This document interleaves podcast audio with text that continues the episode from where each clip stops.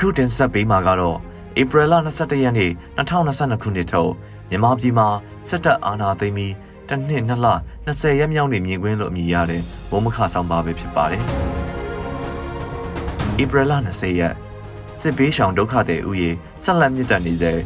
ရာဇဝတ်မှုတန်းရာသီဥတုတန်းငွေချေးဖောင်းပွားမှုတန်းခံကြရတဲ့ပြည်သူတွေဘဝစစ်တပ်အာဏာသိမ်းမှုဖြစ်ပြီးနောက်မြန်မာနိုင်ငံမှာစစ်ဘေးဒုက္ခသည်အရေးအတွက်ဟာ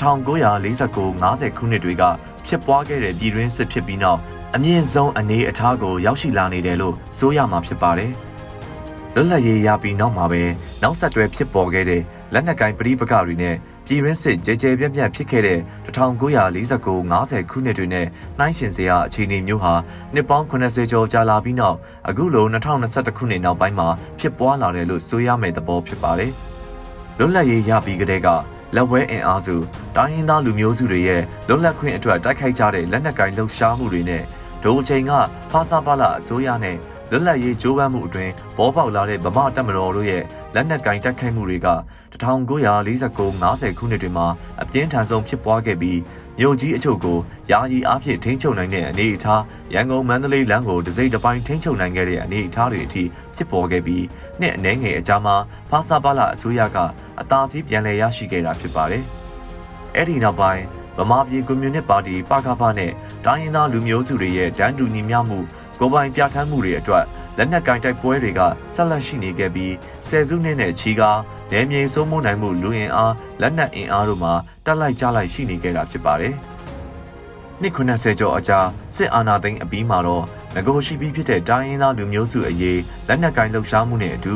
စစ်အာဏာသိမ်းမှုကိုဆန့်ကျင်တဲ့အင်အားစုနှစ်ခုပေါင်းစုပြီးလက်နက်ကင်တိုက်ခိုက်ရေးလမ်းကြောင်းကပိုအားကောင်းလာခဲ့တာဖြစ်ပါတယ်။ဒီအခြေအနေတွေက အခုလိုစစ်ပေးရှောင်ဒုက္ခသည်9သိန်းကျော်အထိမြင့်တက်လာစေတာဖြစ်ပါတယ်။ဒီကိန်းကနန်းထဲမှာဘင်္ဂလားဒေ့ရှ်နိုင်ငံကိုထွက်ပြေးသွားရတဲ့ရိုဟင်ဂျာတွေမပါသေးပါဘူး။ပြည်တွင်းမှာတင်တိန့်ရှောင်နေရသူတွေရဲ့ကိန်းကနန်းပဲဖြစ်ပါတယ်။အခုကိန်းကနန်းတွေကိုကြည့်ရင်မြန်မာနိုင်ငံရဲ့နိုင်ငံရေးအကြက်အတဲကဘယ်လောက်ကြီးမားတယ်ဆိုတာခန့်မှန်းနိုင်ပါတယ်။မြို့ကြီးတွေဖြစ်တဲ့ရန်ကုန်မန္တလေးနေပြည်တော်နဲ့ပြင်မနာပသိမ်မော်လမြိုင်တောင်ကြီးမကွေးဒဝယ်မြစ်ကြီးနား ပဲခူးလိုမြို့တွေမှာသာမြို့နေလူထုကညကောင်းစွာအိတ်နိုင်ကြပေမဲ့စကိုင်းမန္တလေးရှမ်းမြောက်ကယားကရင်ချင်းကချင်မကွေးပဲခူးတို့မှာရှိတဲ့မြို့ငယ်တွေကျေးရွာတွေမှာတော့လုံခြုံရေးအခြေအနေကအချိန်မရွေးပြောင်းလဲသွားနိုင်တဲ့အနေအထားမှာရှိနေတာလည်းဖြစ်ပါတယ်